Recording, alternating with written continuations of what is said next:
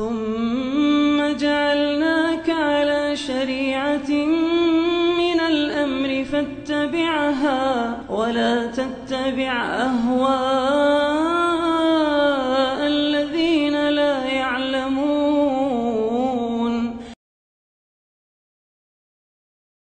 بسم الله الرحمن الرحيم السلام عليكم ورحمة الله وبركاته السلام Ikhwan dan akhwat peserta seminar nasional pada hari ini yang sama-sama mengharapkan ridha Allah Subhanahu wa taala.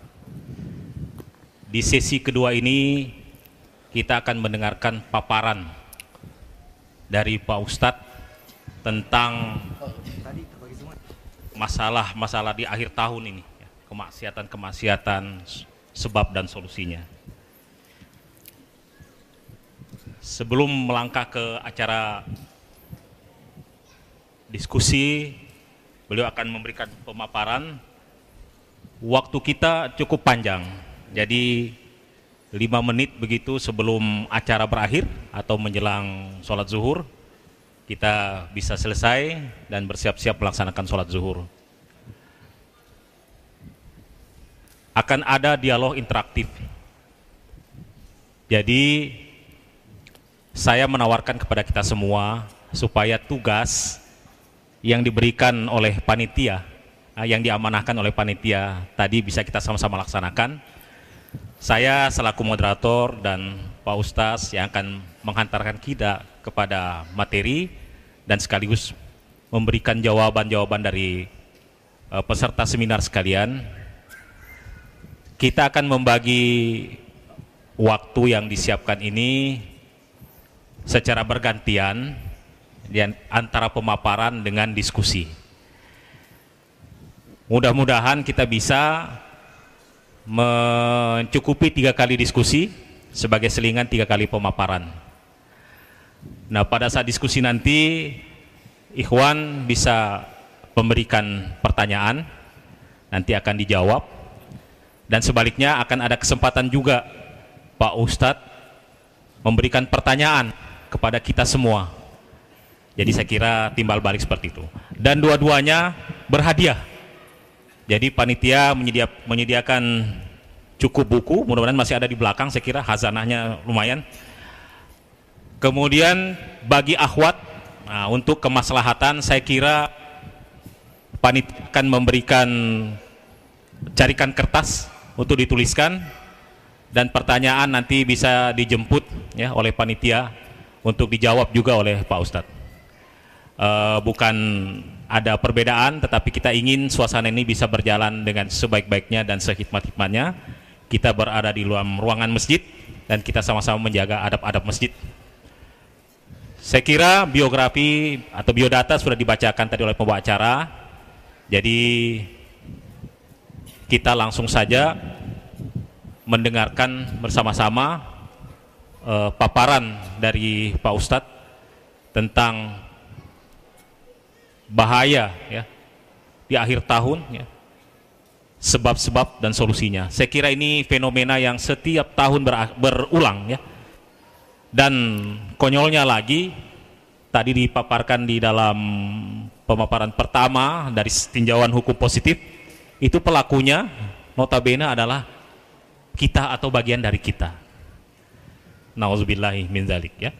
Kalau kita lihat ada postingan yang beredar itu, mereka malah bilang kami bisa tenang beribadah Pak, cukup umat Islam yang merayakan itu di jalan-jalan. Nah, ini kan satu ironi sebenarnya ya. Satu ironi jadi.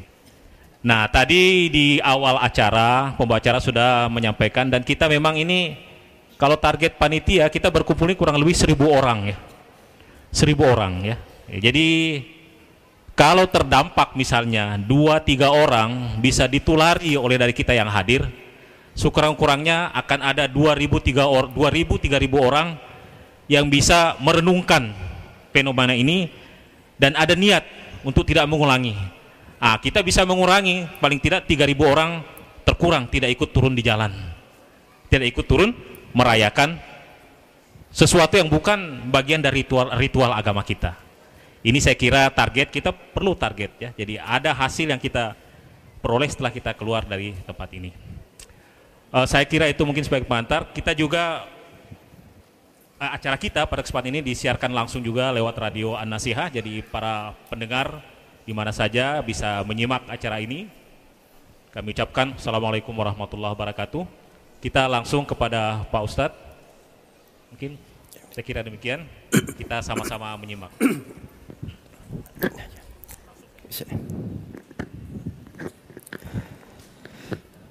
Ya. Bismillahirrahmanirrahim.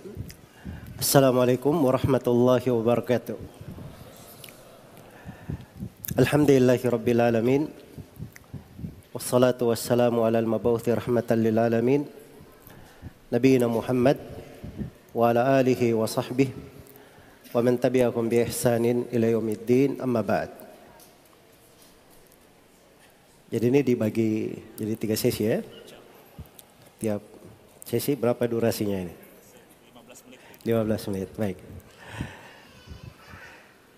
Jadi di sesi yang pertama ini, tadi bagian yang pertama, Alhamdulillah kita bersyukur kepada Allah Subhanahu wa taala atas karunia dan nikmatnya kita berada di masjid yang mulia ini salah satu rumah dari rumah-rumah Allah Subhanahu wa taala dalam sebuah kegiatan yang sangat baik. Semoga Allah Subhanahu wa taala memberikan balasan yang terindah untuk kawan-kawan panitia atas ide dan uh, upaya mereka di dalam menyelenggarakan acara ini dan di dalam memaksimalkan manfaat dan kebaikan. Dan tentunya maksud dari panitia di dalam hal ini dan semua yang terkait di dalam terselenggaranya acara ini adalah bagaimana kita berpartisipasi di dalam mewujudkan kebaikan, saling ingat mengingatkan pada hal yang bisa membahayakan, perkara-perkara yang mungkin itu bisa membawa dampak negatif terhadap kita semua apakah yang segera di kehidupan dunia ataupun mungkin yang diakhirkan nanti di kehidupan akhirat. Karena setiap amalan yang dilakukan di atas kehidupan dunia ini ada konsekuensinya. Kalau baik baik pula yang akan dia dapatkan. Apabila buruk yang dia kerjakan buruk pula yang akan dia tuai sebagaimana firman Allah Subhanahu wa taala faman ya'mal mithqala dzarratin khairan yarah. Siapa yang beramal kebaikan walaupun sebesar darah dia akan melihat kebaikan itu. Wa may ya'mal mithqala dzarratin syarran yarah. Barang siapa yang beramal kejelekan walaupun sebesar darah maka dia akan melihat kejelekan yang dia lakukan. Karena itu setiap dari perbuatan ada konsekuensi di belakangnya. Kemudian sudut yang lain yang memang yang menjadikan tema pembahasan ini menjadi sangat penting. Kemungkaran-kemungkaran itu tidak boleh dibiarkan.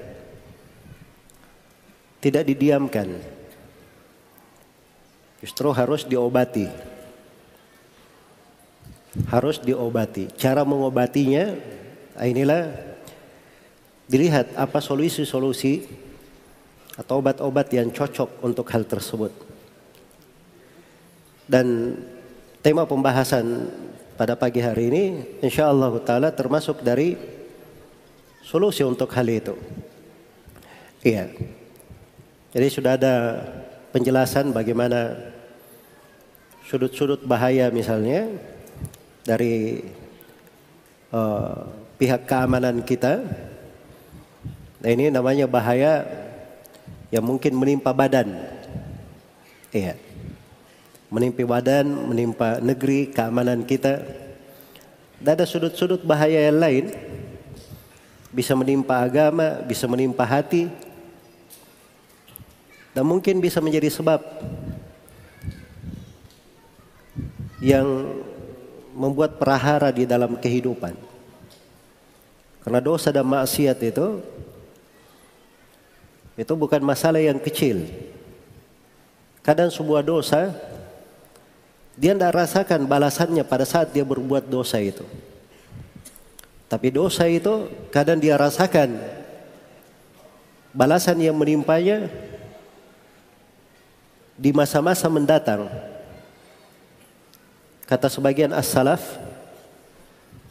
ketika dia tertimpa musibah, dia berkata ini musibah saya tahu. Kenapa menimpa saya?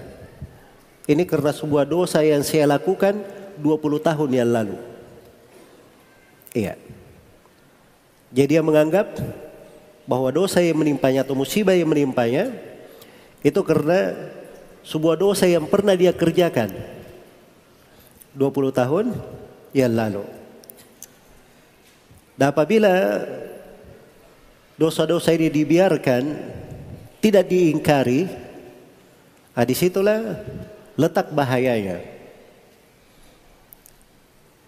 Apabila turun musibah dan petaka, mungkin semuanya akan terkena. Karena sebuah negeri itu apabila telah berbuat banyak kefasikan, maka itu tanda dia akan dihancurkan. Allah Subhanahu wa taala berfirman, "Wa idza aradna an nuhlika qaryatan amarna mutrafiha fafasaqu fiha fahaqqa 'alaiha al-qaul fadammarnaha tadmira." Apabila kami hendak membinasakan sebuah negeri, maka kami jadikan orang-orang yang berkedudukan di negeri itu mereka berbuat kefasikan-kefasikan sehingga mereka berhak untuk disiksa. Maka kami pun menghancurkan mereka dengan sehancur-hancurnya. Suatu hari Rasulullah sallallahu alaihi wasallam pernah terbangun dari tidurnya. Di kondisi yang sangat terlihat di wajah beliau kekhawatiran. Beliau berkata, La ilaha illallah. Maka salah seorang istri Nabi bertanya, Ya Rasulullah, anuhlaku wa fina salihun? Apakah kita akan dibinasakan Sementara di tengah kami ada orang-orang yang salih. Kata Nabi sallallahu alaihi wasallam, "Na'am, idza kathura al-khabath." Kata beliau, "Iya. Kalian akan dibinasakan apabila keburukan-keburukan kejelekan-kejelekan itu lebih mendominasi." Lebih mendominasi. Karena itu tatkala ada kemungkaran-kemungkaran tidak boleh dibiarkan tidak didiamkan tapi harus ada upaya untuk mengingkarinya, untuk mengingatkannya. Jangan sampai perahu itu tenggelam. Karena kita tidak mengingkari dari kemungkaran-kemungkaran. Karena itu Nabi Shallallahu Alaihi Wasallam membuat perumpamaan yang sangat indah, menggambarkan bagaimana urgensi amar ma'ruf nahi mungkar saling memerintah pada hal yang ma'ruf, saling melarang dari kemungkaran. Beliau membahasakan umat Islam itu seperti orang-orang yang berdesak-desakan di sebuah perahu. Dari perahu ini karena berdesak-desakan, akhirnya ada yang dapat bagian di dalam perahu, ada yang dapat bagian di dek kapal di atas. Iya. Maka yang di dalam perahu ini, kalau mereka perlu air, mereka harus naik dulu ke atas. Terus menimba, kemudian setelah itu turun ke bawah. Maka suatu hari yang di dalam perahu ini, mereka berkata, daripada kita mengganggu saudara-saudara kita yang di atas, kita berjalan melangkai orang banyak, mengganggu orang yang di atas, ya Daripada kita mengganggu mereka, maka sebaiknya kita bocor aja dari dalam sedikit di sini. Supaya ada air keluar langsung dari dalam. Ini membocor perahu. Kata Nabi Shallallahu Alaihi Wasallam, kalau mereka biarkan orang yang di dalam perahu ini membocor perahu itu, mereka akan binasa semuanya. Tapi kalau mereka yang di atas melarang yang di bawah membocor perahu, mereka akan selamat semuanya. Nah, itulah amar ma'ruf nahi mungkar seperti itu. Ya kalau ada yang melakukan kemungkaran kita ambil tangannya kita nasihati, maka itu diharapkan dari sebab yang menolak musibah dan malapetaka dari kita semua. Allah Subhanahu wa taala telah berfirman dalam Al-Qur'an, "Wa ma kana rabbuka liyuhlikal qura bidhulmin wa ahluha muslihun. Dan Rabbmu tidak akan pernah membinasakan sebuah negeri karena kezaliman yang mereka lakukan sepanjang penduduk negeri ini masih mengadakan perbaikan. Sepanjang penduduk negeri ini masih mengadakan perbaikan. Jadi kalau di penduduk negerinya ada orang yang mengingkari kemungkaran, walaupun pengingkaran kemungkaran ini lingkupnya terbatas misalnya, tidak mencakup semua orang, tapi dia berusaha mengingkari, maka diharapkan dengan usaha ini itu menjadi sebab kebaikan untuk semuanya. Dimaklumi bahwa Nabi Shallallahu Alaihi Wasallam dan para sahabatnya mereka itu minoritas di Mekah. Iya. Karena itu diperintah berhijrah tatkala gangguan permusuhan dan siksaan kaum musyrikin semakin dahsyat terhadap para sahabat. Iya. Waktu itu kaum musyrikin berucap sebuah ucapan yang mengharuskan mereka mendapat siksaan. Sebab ucapannya itu menantang Allah. Mereka menantang Allah Subhanahu wa taala. Ucapan mereka disebutkan dalam Al-Qur'an di surah Al-Anfal. Allah Subhanahu wa taala berfirman, "Wa id qalu Allahumma in kana hadha haqqu min 'indik, famtir alaina hijaratan minas sama'i wa i'tina bi'adabin alim." Ketika kaum musyrikin berkata, "Ya Allah, kalau memang yang dibawa oleh Nabi Muhammad kebenaran dari sisi Engkau, hujani kami batu dari langit dan datangkan siksaan yang pedih." Jadi mereka menantang Allah Subhanahu wa taala. Kalau agama Nabi Muhammad benar, turunkan hujan untuk kami dari langit. Eh, turunkan batu untuk kami dari langit. Datangkan siksaan yang pedih. Kalau memang agama Nabi Muhammad ini benar. Ini harusnya mereka sudah disiksa, sudah dihancurkan. Tapi mereka tidak dihancurkan. Kenapa? Disebutkan di ayat setelahnya. Wa ma kana Allahu liyu'adzibahum wa anta fihim. Wa ma kana Allahu mu'adzibahum wa yastaghfirun. Allah tidak akan menyiksa mereka wahai Nabi Muhammad sepanjang engkau masih di tengah mereka. Ini keberadaan Nabi jadi Mekah di tengah mereka itu menyebabkan tidak turun siksaan. Itulah tadi bahasa yang dipakai oleh istri Nabi itu. Apakah kita dibinasakan dan di tengah kami ada orang-orang salih? Iya. Jadi kalau seluruh yang hadir ini Masya Allah adalah orang-orang yang salih dan kita berharap seperti itu. Maka itu dari sebab keamanan sebuah negeri. Dan tidaklah Allah menyiksa mereka sepanjang engkau di tengah mereka. Dan tidaklah Allah menyiksa mereka sepanjang para sahabat masih beristighfar. Masih memohon ampun kepada Allah subhanahu wa ta'ala. Maka paling tidak di antara kita ada orang yang sadar Walaupun kita misalnya tidak bisa merubah kemungkaran ini. Tapi kita sadar bahwa itu kemungkaran. Kita mengingkari dengan hati itu kemungkaran. Yang keliru karena kemungkaran ini terulang ya berada di mana-mana kadang menjadi sebuah kebiasaan kita masuk belanja saja ke pasar sana ke mall sana disambut oleh orang-orang nggak tahu kenapa dia pakaian aneh di akhir tahun Kan begitu? Ya. Ikut kebiasaan-kebiasaan yang dia sendiri tidak pernah apa? Tidak pernah mengenalnya. Ya. Jadi berada di mana-mana. Karena dia berada di mana-mana kadang pengingkaran di dalam hati itu redup.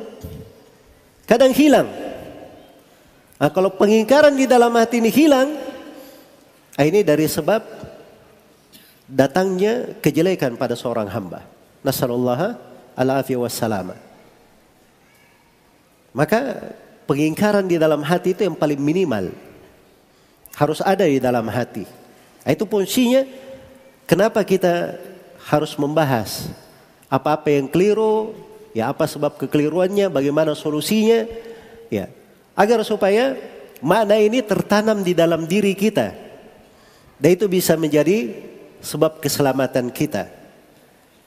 Kemudian yang terakhir di sini yang perlu saya ingatkan terkait dengan pentingnya tema pembahasan ini, tentunya seorang muslim itu di kondisi apa pun di dalam kehidupannya, dia bisa membuka untuk dirinya lahan-lahan ketaatan, pintu-pintu ibadah. Nah, ini yang perlu kita pelajari, apa pintu-pintu ibadah, lahan-lahan ketaatan yang mungkin bisa kita petik di dalam hal tersebut. Ya sambil saya ingatkan bahwa apa namanya kita itu tidak ada urusan dengan masalah tahun baru akhir tahun ya apalagi itu adalah penanggalan Masehi bukan penanggalan umat Islam. Akhir tahun Hijriah saja umat Islam itu tidak ada acara khusus yang bernama awal tahun Hijriah. Jelas ya? Umat Islam itu kelahiran nabinya saya, mereka tidak ada acara khusus tentang hal itu. Tidak ada di dalam sunnah Nabi para sahabatnya dan para aima. Itu hanya datang di kalangan orang-orang belakangan saja yang juga ingin meniru-niru kebiasaan orang-orang Nasara dalam, dalam merayakan kelahiran Nabi Isa alaihi salam. Tidak diragukan kelahiran Nabi, adanya Nabi diutus di atas muka bumi itu rahmat dan kebaikan untuk manusia. Siapa saja dari Nabi, Nabi Muhammad, Nabi Isa maupun yang lainnya. Tetapi kita itu dituntun dengan syariat diperintah dengan ketentuan.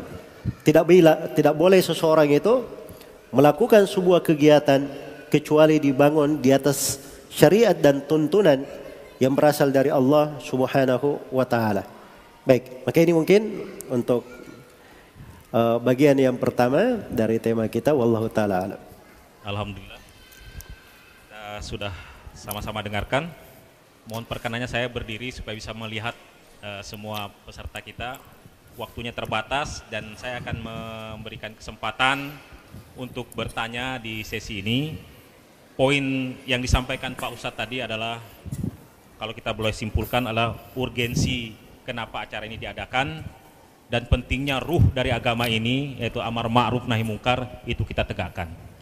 Jadi ini saya kira ungkapan-ungkapan bahasa-bahasa gaul dengan istilah emang urusan buat lo, emang gua pikirin, saya kira ini tidak tempatnya di dalam agama kita. Kita harus peduli kalau kita sama-sama penumpang dalam satu kapal besar tadi. Kalau tidak, kita sama-sama tenggelam Pak Ustadz ya. Ya. Kita akan sama-sama tenggelam. Nauzubillah min zalik. Oke, saya kira kita akan mulai dari ini semua saya pikir saya tidak akan bagi ashabul yamin, moderat, ashabul shimal, saya kira bukan ya. Karena tempatnya sudah jelas ini. Kita semua ashabul yamin insya Allah. Insya Allah. Jadi saya mulai saja ashabul yamin yang pertama satu orang, kemudian yang di moderat tengah, yang tengah asbul yamin yang kedua satu orang, dan asbul yamin yang ketiga satu orang. Oke, saya yang pertama dulu. Silakan itu Pak. Pada. Terus yang kedua siap-siap tadi. Oke, diingat saja. Yang sayap sini, Bapak. Ya. Nama dan instansi atau apa ya dari asal ya, yang jelas supaya ada bisa dilihat. Tapi silakan. Assalamualaikum warahmatullahi wabarakatuh. Waalaikumsalam warahmatullahi wabarakatuh. Perkenalkan nama saya Muhammad Yusran. Saya dari Jalan Sor Jalan Tol Idris Utami. Baik, saya akan bertanya bagaimana cara menasehati atau mencegah kemungkaran yang dilakukan oleh keluarga kita, teman-teman atau lingkungan sekitar kita. Terima kasih. Baik. Jadi alhamdulillahirabbil terkait dengan apa yang dilakukan dari saudara-saudara atau kawan-kawan yang di sekitar kita dari kemungkaran di dalam hadis Abu Sa'id Al-Khudri yang diriwayatkan oleh Imam Muslim Rasulullah sallallahu alaihi wasallam bersabda Man ra'a minkum munkaran falyughayyirhu bi yadihi fa illam yastati' fa bi lisanihi. Fa illam yastati' fa bi qalbihi. Wa dhalika adhaful iman. Siapa di antara kalian yang melihat kemungkaran maka hendaknya dia rubah dengan tangannya. Ini hadith sering kita dengarkan ya, tapi pemahamannya yang banyak keliru di dalamnya. Hadithnya itu bahasanya man ra'a minkum, siapa yang melihat di antara kalian. Ini melihat dengan mata kepala, bukan dia dengar-dengar. Dia melihat langsung kemungkaran. Ya. Maka falyughayyirhu biyadih. Yang pertama dia rubah dengan tangannya. Itu tahapan pertama. Dia merubah dengan tangan kalau memang dia punya wewenang merubah dengan tangan. Kalau wilayah umum, ya itu yang merubah dengan tangan itu wewenangnya pemerintah atau bapak-bapak di kepolisian tadi misalnya. Nah, ini wilayah umum. Karena itu tidak ada di dalam syariat kita itu namanya main hakim sendiri. Seperti yang disinggung oleh bapak kita tadi sebelah sini ya. Ya, itu tidak ada di dalam syariat kita itu main hakim sendiri. Orang yang tangkap digubukin sama masyarakat ada yang sampai mati. Ya. Apalagi di wilayah Sulawesi Selatan ini Masya Allah terkenal ya. Sangat ringan tangan sekali di situ. Orang kan kalau ringan tangan memberi bersedekah itu Masya Allah bagus ya. Tapi ini ringan tangan di dalam hal yang keliru. Baru diteriaki maling-maling. Ya. Ini nggak tahu maling benaran atau tidak. Sudah habis digubuki. Pencuri-pencuri. Ya. Setelah diperiksa, setelah orangnya mati, ada sebagian daerah mati terbakar, ternyata dia tidak mencuri. Ini gara-gara main hakim sendiri. Nah, ini masalah ya di negeri ini main hakim sendiri. Masyarakat awamnya sampai orang-orang yang belajarnya juga yang mengaku dirinya membela Islam juga seperti itu. Senang main hakim sendiri. Iya. Kalau dia membela Islam, di dalam Islam itu sepakat para ulama kalau ada hukum yang terkait dengan orang menjatuhkan sanksi itu semuanya ke pengadilan. Itu disepakati oleh para ulama, tidak ada silam pendapat. Karena itu tidak ada di dalam Islam itu main hakim sendiri. Dia pergi segel tempat-tempat maksiat sendiri, kemudian dia pergi turun ke jalan sendiri, itu nggak ada di dalam syariat. Istilah main hakim sendiri. Jadi kalau wilayah umum merubah dengan tangan itu wewenang pemerintah. Kalau wilayah khusus di tengah keluarga saya, anak-anak, istri saya, saudara saya misalnya, tapi di, di, di, di dalam wilayah saya, saya merubah dengan tangan itu nggak ada masalah. Itu wilayah saya. Iya, wilayah saya. Kalau tidak mampu dengan tangan, maka dia rubah dengan lisan. Nah ini dengan lisan bisa semuanya. Dia merubah dengan lisan. Kalau dia tidak bisa merubah dengan lisannya, maka dia rubah, dia ingkari dengan hatinya. Ini yang paling sedikit yang dia lakukan. Karena itu dikatakan wadalika adhaful iman. Itu selemah-lemah keimanan. Karena itu ada harus ada upaya merubah dengan apa? Mengingkari dengan hati. Iya.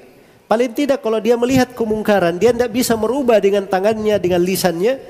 Dia berdoa kepada Allah Subhanahu wa taala supaya Allah memberi hidayah kepada orang-orang tersebut.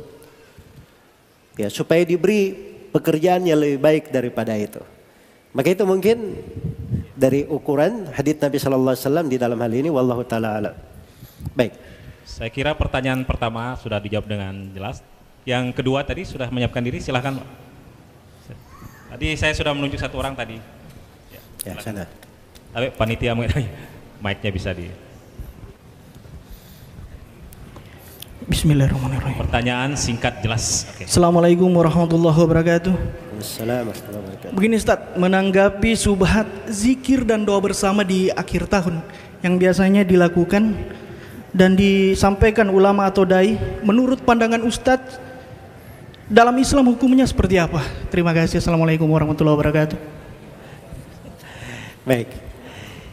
Jadi uh, Seorang itu ketika dia akan mengingkari kemungkaran, dia jangan jatuh kepada kemungkaran yang lain.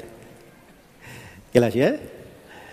Jadi artinya kalau kita buat dikir, sholat tahajud bersama di akhir tahun, itu sama aja kita ikut merayakan namanya. Ya, cuma yang sana merayakannya dengan apa? Petasan di jalan dan seterusnya. Ini merayakannya dengan pengajian dan sholat. Jelas ya? Dan tidak ada di dalam syariat kita apa yang dinamakan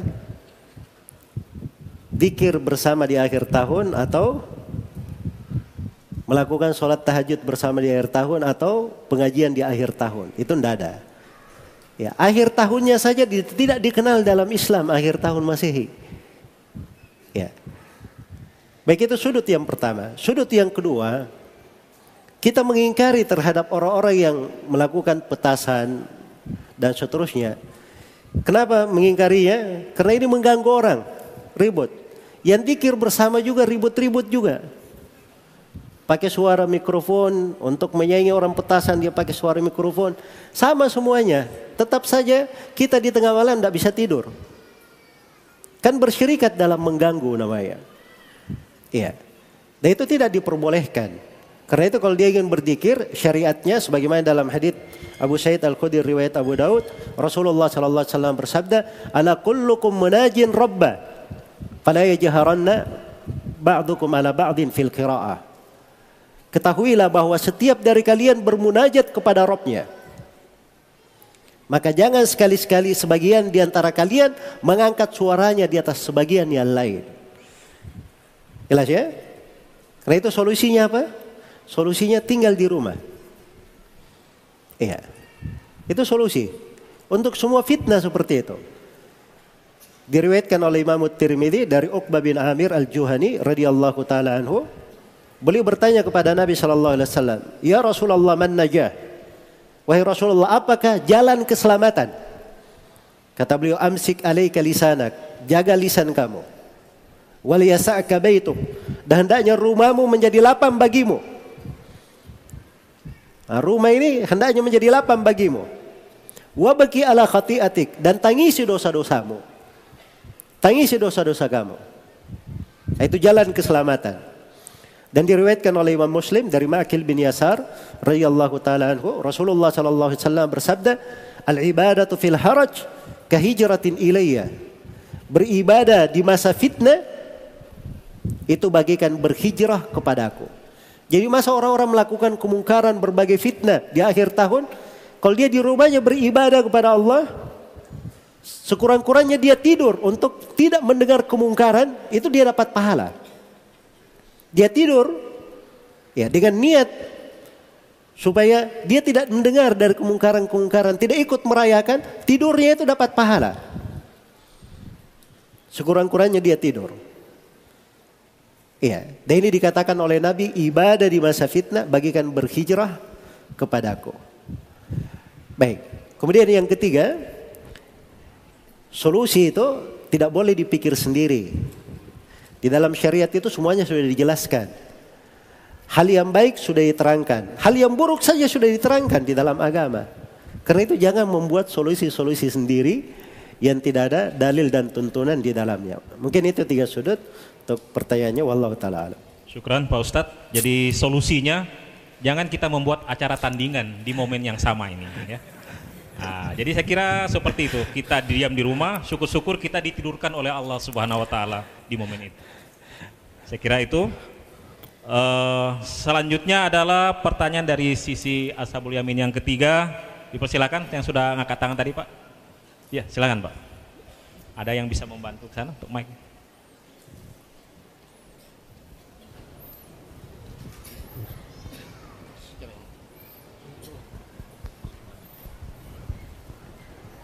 Bismillahirrahmanirrahim. Assalamualaikum warahmatullahi wabarakatuh. Wassalamualaikum warahmatullahi wabarakatuh. Jazakallah khairan atas kesempatan yang diberikan. Uh, pertanyaan saya masih terkait tentang kemungkaran-kemungkaran yang terjadi di akhir tahun.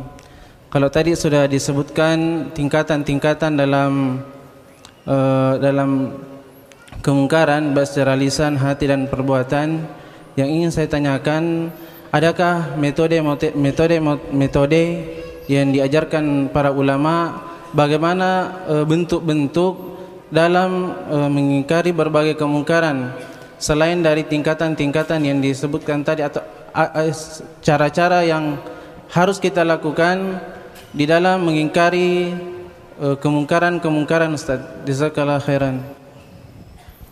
Ya Masya Allah ya, ini pertanyaan apa namanya perlu ceramah tersendiri. Ya. Jadi memang saya jawab tadi satu poin yang mencukupi saja. Karena ditanya lagi di minta diperluas maka saya tambah sedikit walaupun ini tema pembahasan luas ya. Karena dalam amar ma'ruf nahi mungkar itu ada kaidah-kaidahnya, ada ketentuan-ketentuannya, ada syarat-syaratnya. Ya, ada tahapan-tahapannya. Secara umum bahwa pada saat terjadi kemungkaran dan itu dipastikan kemungkaran, maka seorang itu dia harus memiliki beberapa sifat. Sifat yang pertama dia punya sifat hilim namanya. Hilim ini artinya dia tidak tergesa-gesa. Dia pandai menimbang akhir dari perkara. Ini kalau dia buat begini, mungkin kejadiannya begini. Kalau dia buat begini, akan terjadi begini. Iya. Baik. Kemudian yang kedua, dia hendaknya memiliki sikat sabar dalam merubah kemungkaran. Dan sabar itu diperlukan. Jadi jangan sampai dia merubah kemungkaran, tetapi dia rubah kemungkaran dengan cara yang mungkar juga. Iya. Eh, tidak boleh bakar-bakar petasan ribut-ribut saya. Tapi dia rubah dengan cara berantem dengan orang tersebut. Nah, ini tidak benar ya. Ya. Atau ada yang bakar petasan kepada dia, dia balik bakar juga, lempar ke dia. Ya. Nah, ini harus ada kesabaran. Kemudian yang ketiga, pada orang yang merubah kemungkaran, dia harusnya memiliki hikmah. Memiliki sifat hikmah. Hikmah itu kata para ulama meletakkan segala sesuatu pada tempatnya. Iya. Karena itu hikmah itu bukan dikatakan dia selalu tegas. Dan bukan dikatakan hikmah itu dikatakan dia selalu lembut. Tidak. Tapi hikmah itu meletakkan segala sesuatu pada tempatnya. Meletakkan segala sesuatu pada tempatnya. Maka ini etika dan adab secara umum. Dijaga. Sambil seorang itu memelihara keikhlasan. Sebab ikhlasnya ini berpengaruh sekali di dalam apa yang dia lakukan. Kemudian yang kedua, dia memang melakukan hal tersebut di atas dasar nasihat, ketulusan untuk saudaranya. Cinta kebaikan untuk saudaranya. Kemudian yang ketiga, dia melakukan hal tersebut sebagai bentuk apa namanya penjagaan terhadap semuanya. Maka kalau di, dia melakukan tiga etika itu dibangun di atas tiga kaidah ini, maka insya Allah taala itu akan menjadi hal yang indah di dalam merubah kemungkaran. Semoga Allah memberi taufik kepada semuanya. Wallahu taala Alhamdulillah. Saya kira cukup jelas apa yang disampaikan oleh Pak Ustadz. Jadi mohon maaf ya. Afwan kita cukupkan mungkin untuk sesi tanya jawab di sesi yang pertama ini. Tapi tidak menutup peluang untuk pertanyaan-pertanyaan tertulis. Nanti kita carikan waktunya di akhir acara termasuk juga dari Ahwat kalau ada pertanyaan mungkin ada panitia yang akan menjemput. Saya kurang paham bagaimana mekanismenya. Jadi yang jelas semua diberi kesempatan untuk berpartisipasi ya. Jadi kita bisa sharing pengetahuan kita dan insya Allah mudah-mudahan itu kita diberikan kekuatan untuk memahami dan mengamalkan kita akan maju ke sesi yang kedua. Jadi sesi penyampaian dari Pak Ustadz ini berkisar tentang bentuk-bentuk kemungkaran di akhir tahun Ya, jadi seperti apa? Tentunya tidak semua mungkin kita bisa membaca ternyata yang kita lakukan ini adalah kemungkaran. Nah, ini ada kiat-kiat juga. Oh, ini kemungkaran ternyata yang lakukan ini. Saya kira ini yang akan disampaikan oleh Pak Ustadz di sesi kedua. Tafadol. Baik. Jadi mungkin dari tema inti di pembahasan kita terkait dengan kemungkaran-kemungkaran yang mungkin kita bisa waspadai, kita lihat sambil kita melihat apa solusi dan bagaimana sikap seorang muslim di dalamnya. Pertama, Allah Subhanahu wa taala telah menjadikan umat Islam ini di atas sebuah tuntunan dan syariat sudah jelas pasti sisa diikuti dan ditapaki.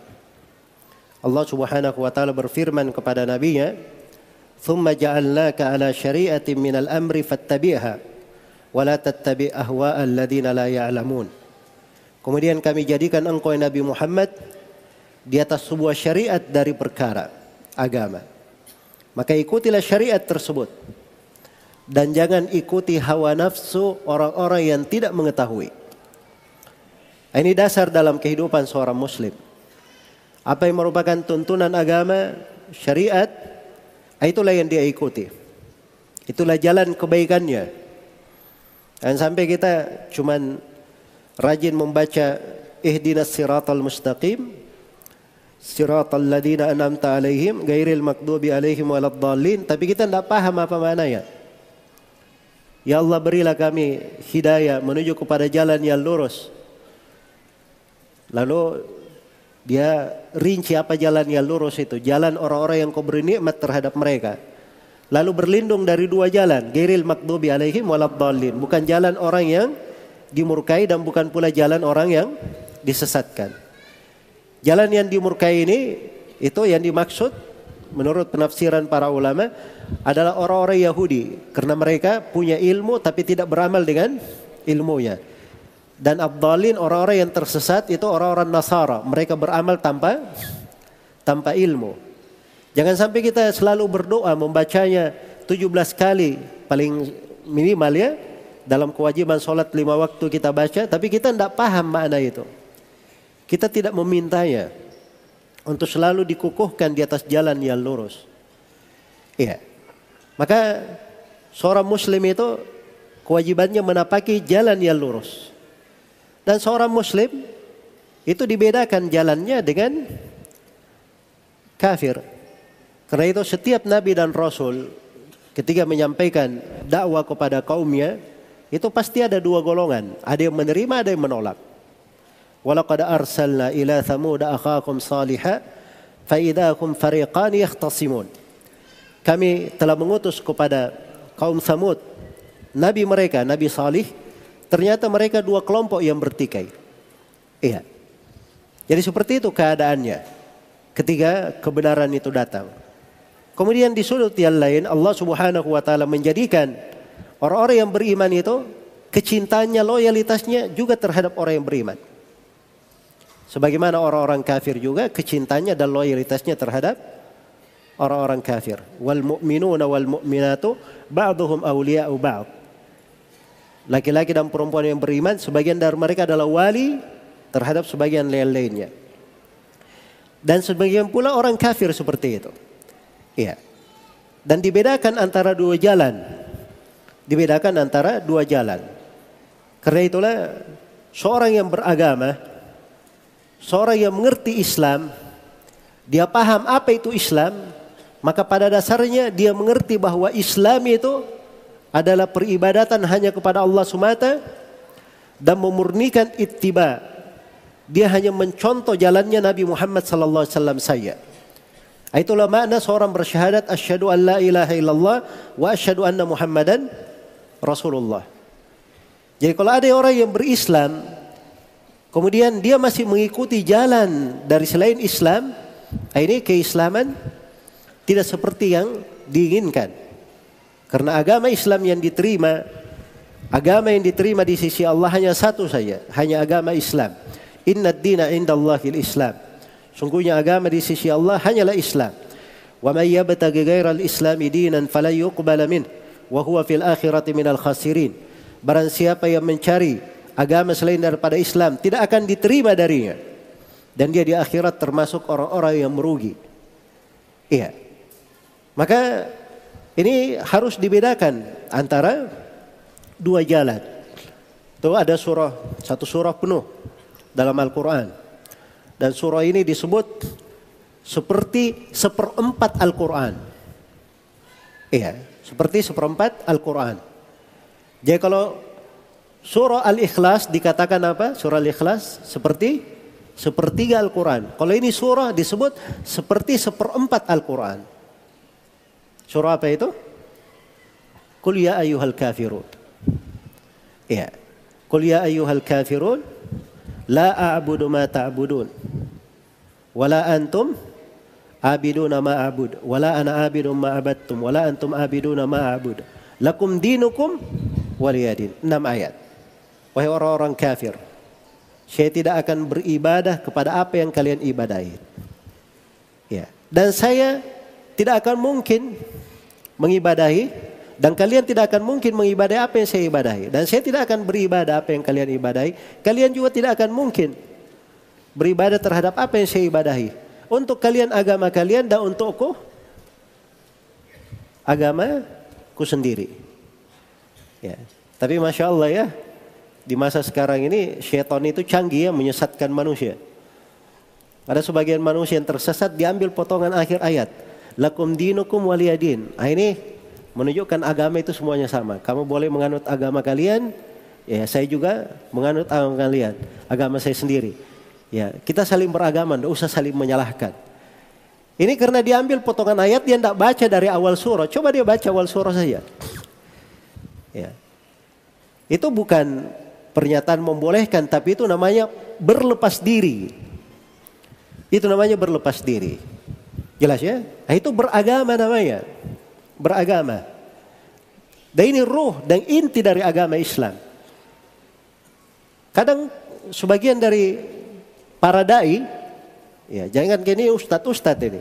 Kalau dia bicara seperti ini merasa berat sekali. Kenapa? Karena dia nanti khawatir dianggap intoleran. Tidak moderat. Hah? Atau dianggap sebagai orang yang apa? Yang ekstrim. Padahal ini adalah ruh Islam, inti Islam. Ya. Itu agamanya Nabi Ibrahim alaihi salam.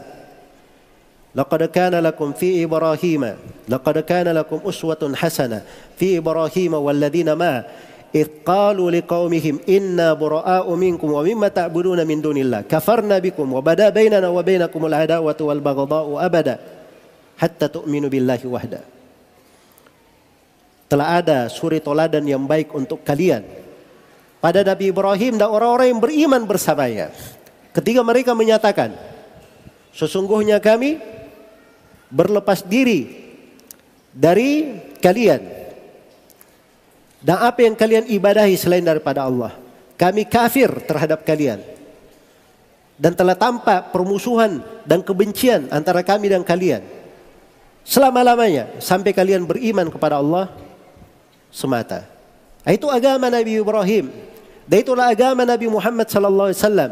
Ya Allah telah perintah kepada nabinya, "Tsumma auhayna ilaika an ittabi' millata Ibrahim hanifa wa ma kana minal musyrikin." Kemudian kami wahyukan kepada engkau ya Nabi Muhammad supaya mengikuti agama Nabi Ibrahim yang lurus. Dan Nabi Ibrahim itu sama sekali tidak tergolong dari orang-orang yang berbuat kesyirikan. Jadi ini keyakinan masalah agama.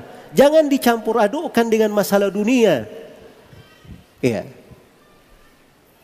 Ini orang-orang yang mencampur adukkan sampai mengatakan semua agama sama, sampai dia tidak tahu ruh Islam itu, bahwa Islam itu la ilaha illallah artinya dia kafir terhadap segala yang diibadahi selain daripada Allah, berlepas diri dari segala yang diibadahi selain daripada Allah. Kenapa dia tidak memahami ini? Tidak terikat dengan hal tersebut karena dia khawatir nanti kalau dia berkeyakinan seperti itu, dia dianggap memusuhi orang yang lain. Nanti dia tinggal di dalam negeri ini katanya dia tidak bersahabat dengan penganut agama yang lain. Itu pemahaman yang keliru. Itu tidak ada sejarahnya di tengah umat Islam pemahaman yang seperti itu. Itu ruh Islam, agama di dalam Al-Quran dan hadis itu yang dibawa oleh Nabi. Berlepas diri dari kaum musyrikin, orang-orang kafir. Tapi bersamaan dengan itu, ketika hidup di dalam sebuah negeri bersama tiga kabilah Yahudi di Medina, orang-orang Yahudi tenang bersama Nabi. Dapat kedamaian dan keadilan. Iya. Karena memang Islam menegakkan keadilan. Dan Islam adalah agama yang mengharamkan segala bentuk kezaliman. Sekecil apa pun kezaliman itu. Walaupun terhadap non-muslim sekalipun. Tidak boleh ada perbuatan kezaliman dalam Islam. Karena itu orang-orang Yahudi damai mereka di masa Nabi Sallallahu Alaihi Wasallam. Mereka diusir dari Medina kenapa? Karena mereka sendiri yang berkhianat. Ikut membantu kaum musyrikin dalam menyerang Rasulullah dan para sahabat. Maka Nabi membalas seperti perbuatan mereka. Iya. Mereka bukan orang yang Nabi itu bukan yang dahulu membatalkan perjanjian. Beliau hanya membalas orang-orang yang membatalkan perjanjian. Demikian pula di masa Abu Bakar, di masa Umar, di masa Umar bin Khattab ketika beliau meninggal. Itu ahlul kitab bersedih dengan meninggalnya Umar. Kenapa? Mereka merasakan keadilan yang tidak pernah mereka rasakan. Sebelum datangnya Umar ke tempat mereka. Ketika Imam Al-Auza'i meninggal, itu jenazahnya diantar oleh orang-orang Yahudi dan Nasara. Ikut mengantar jenazahnya. Ketika ditanya, kenapa kalian ikut mengantar jenazah Imam Al-Auza'i, Imam negeri Syam, mufti negeri Syam? Kata mereka, telah meninggal orang yang menegakkan keadilan di tengah kami. Iya. Al-Auza'i ini luar biasa. Ketika dia, misalnya ada orang yang dizalimi, siapa pun dia, dia akan tulis kepada pemerintah. Kepada raja dia akan berbicara bahwa itu adalah perbuatan yang tidak benar dan seterusnya. Karena itu orang bersedih dengan meninggalnya siapa? Al-Uzai rahimahullahu taala. Karena itu jangan mengajari umat Islam tentang mana toleransi. Iya. Dari semenjak dahulu, semenjak negeri ini ada, umat Islam itu selalu menjadi sebab kebaikan untuk negeri ini. Dari terusirnya penjajahan dan sebagainya. Dan mereka tidak ada masalah dengan keberadaan penganut agama yang lain. Ya. Karena itu kalau ada ingin mencampur adukan tentang urusan agama, prinsip-prinsip akidah itu tidak diperbolehkan. Jangan diberi izin untuk hal tersebut. Ini muncul dari orang-orang belakangan ya bahasa syar'inya mereka disebut kaum munafikin. Kaum munafikin. Apakah bajunya baju liberal atau baju yang lain? Tapi kalau bahasa syariatnya itu kaum munafikin. Menampilkan keislaman tetapi di hatinya bukan keislaman. Iya. Ah, apabila seorang sudah memahami apa itu Islam dan dia mengenal bahwa Islam ini adalah membedakan antara jalan yang mengantar kepada Allah, keimanan kepada Allah dibedakan dengan jalan yang mengantar ke neraka, kekafiran kepada Allah, maka di sini dia sudah bisa melihat jalannya akan terang sekali masalah tersebut. Ya, bahwa agama Islam ini memang agama yang menyelisihi jalannya orang-orang Yahudi dan menyelisihi jalannya orang-orang Nasara. Orang Yahudi juga paham tentang hal tersebut. Karena itu ada di dalam Sahih Muslim. Ketika Nabi Shallallahu Alaihi Wasallam bersabda, "Isnau kulla syai'in illa nikah." Lakukanlah segala sesuatu ketika istrimu sedang sedang haid, segala sesuatu boleh kecuali nikah, kecuali hubungan suami istri. Ini menyelisihi keyakinannya orang Yahudi. Orang Yahudi itu kalau istrinya sedang haid, itu ditinggalkan. Sama sekali tidak boleh didekati. Makan dengannya juga tidak boleh. Tidur dengannya tidak boleh. Jadi perempuan ini seakan-akan diisolasi. Iya. Jelas ya? Orang Nasara sebaliknya, boleh segala sesuatu. Ya. Melakukan hubungan suami istri di masa haid juga tidak ada masalah bagi mereka. Dan Islam ini datang di jalur pertengahan. Ketika sampai sabda Nabi ini kepada orang Yahudi, orang Yahudi langsung berkata, ini memang orang, maksudnya Nabi Muhammad, dia tunjuk kepada Nabi Muhammad, ini memang orang, tidak ada satu perkara pun di agama kita, kecuali dia ingin menyelisihi kita di dalamnya. Ya. Jadi kalau ada yang tidak paham, ini simbol agama Islam. Maka itu artinya dia belum percaya beragama dengan agama Islam. Iya. Dia belum percaya bahwa kebenaran itu hanya di dalam Islam. Ini prinsip-prinsip pokok. Prinsip pokok ini tidak mengganggu hubungan di dalam masalah keduniaan. Masalah seorang hidup di dalam sebuah negeri, ada penganut agama yang lainnya juga dilindungi oleh negara, itu ada hukumnya di dalam Islam. Ada bab di dalam Islam namanya fikih ahli dhimma. Ada bab muahada. Ya. Kemudian ada bab masalah memberikan aman, jaminan keamanan.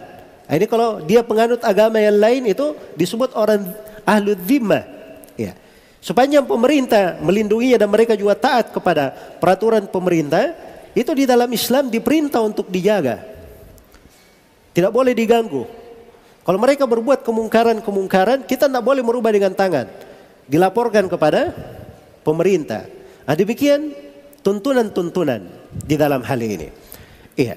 Karena itulah dibangun di atas penjelasan ini harus dipahami bahwa Seorang muslim itu tidak boleh memberi ucapan salam atas apa? Atas perayaan agama mana pun. Iya. Atas perayaan agama mana pun. Jadi kalau misalnya ada yang berkata tidak ada larangan memberi salam Natal. Nah ini dari pengetahuan dia yang terbatas. Dari mana dia paham tidak ada dari mana dia tahu tidak ada larangan? Sedangkan Ibnu Al-Qayyim rahimahullahu taala menukil kesepakatan ulama bahwa para ulama bersepakat tidak boleh memberikan kata selamat untuk perayaan orang-orang kafir. Itu dinukil kesepakatan ulama. Tiba-tiba dia datang berkata tidak ada tidak ada larangan. Ini dia belajar apa? Sehingga mengatakan tidak ada larangan. Jadi kalau dia katakan selamat hari Natal, paling tidak dia akan mengakui beberapa hal.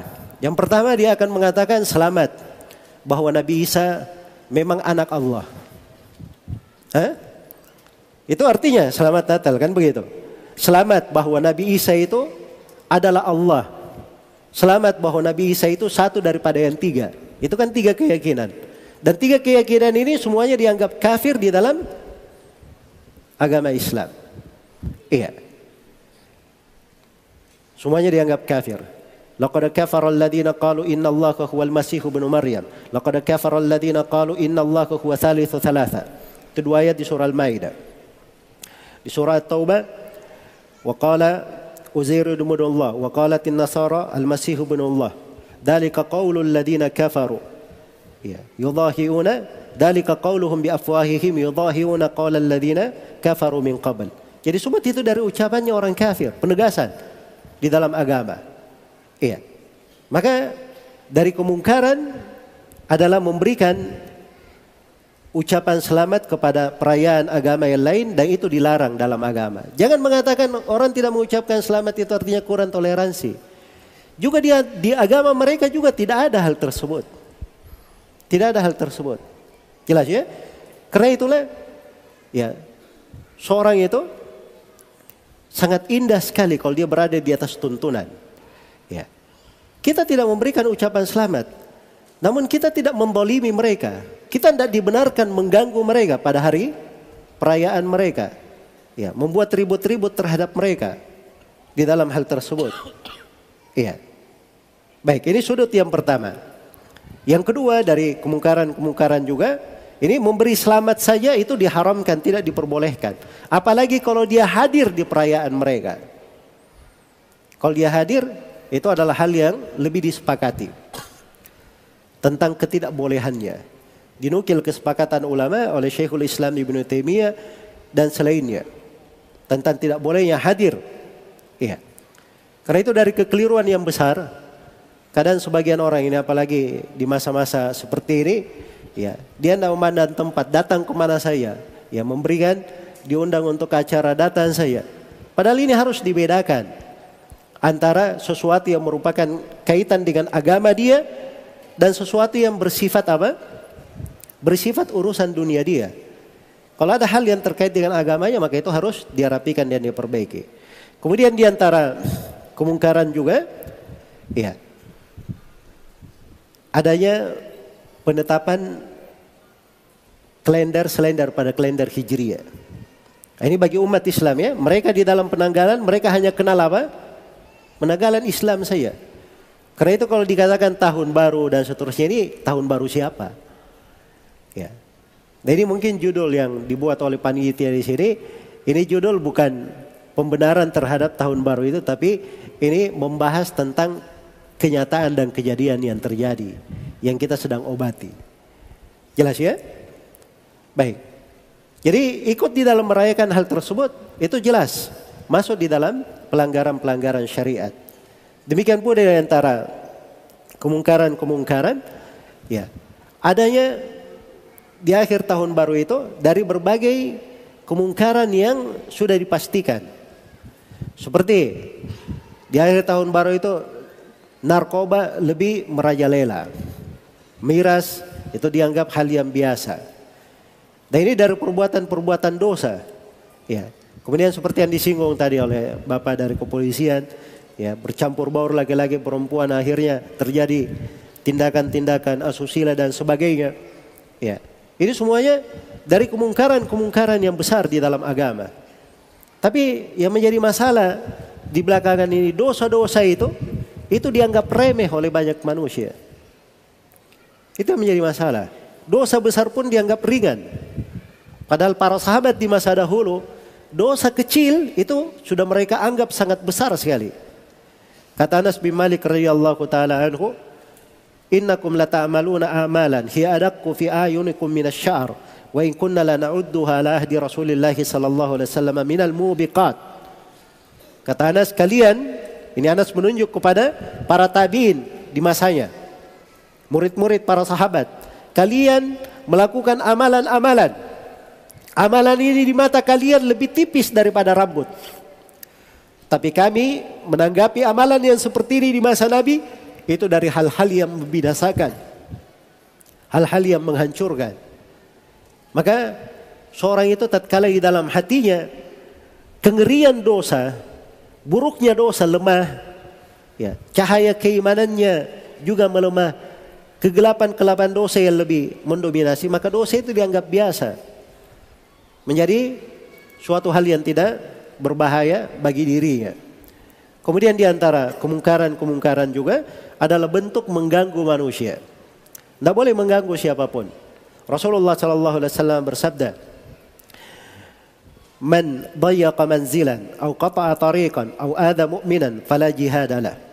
Barang siapa yang mempersempit tempat singgah orang, barang siapa yang memutus jalan orang, dan barang siapa yang mengganggu seorang mukmin, maka tidak ada jihad bagi dia. Iya.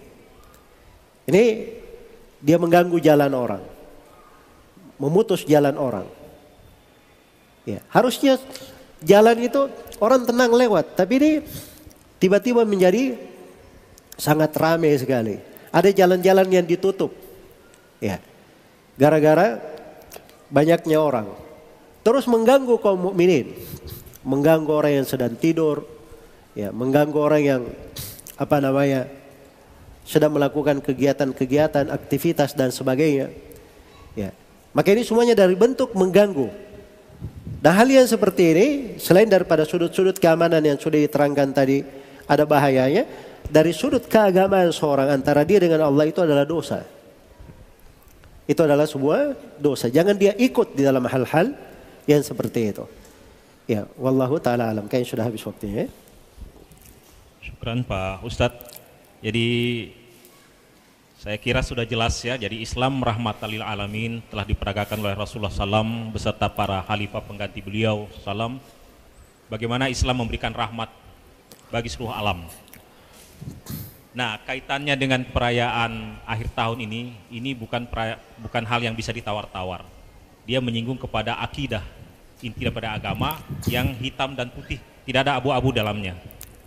Nah, saya kira itu yang mau di, disampaikan secara ringkas Pak Ustadz tadi itu. Tidak ada pilihan kita. Kalau dia memang larangan datang dari Allah dan itu diberikan tuntutannya oleh Rasulullah SAW, kita tidak ada tawar-menawar lagi untuk mencari dalil-dalil yang bisa memberikan toleransi kepada kita. Apa pun alasannya. Ya saya kira ini inti daripada sesi yang kedua dan kita akan masuk ke sesi yang ketiga, Afwan, kita akan menggabungkan sesi tanya jawab yang ke sesi kedua dan ketiga ini karena mempertimbangkan waktu kita sudah dekat menjelang zuhur. Kita akan gabungkan selesai sesi ketiga itu tanya jawab khususnya yang tertulis dan kemudian akan ada kuis juga. Jadi berbalik Pak Ustadz akan menjawab eh, akan bertanya kepada uh, ikhwan dan akhwat sekalian ya tentang apa saja yang menyangkut dengan masalah yang kita diskusikan sekarang. Nah pada sesi yang ketiga ini Pak Ustadz akan memaparkan kepada kita kalau begitu kita berbuat apa di akhir tahun ini?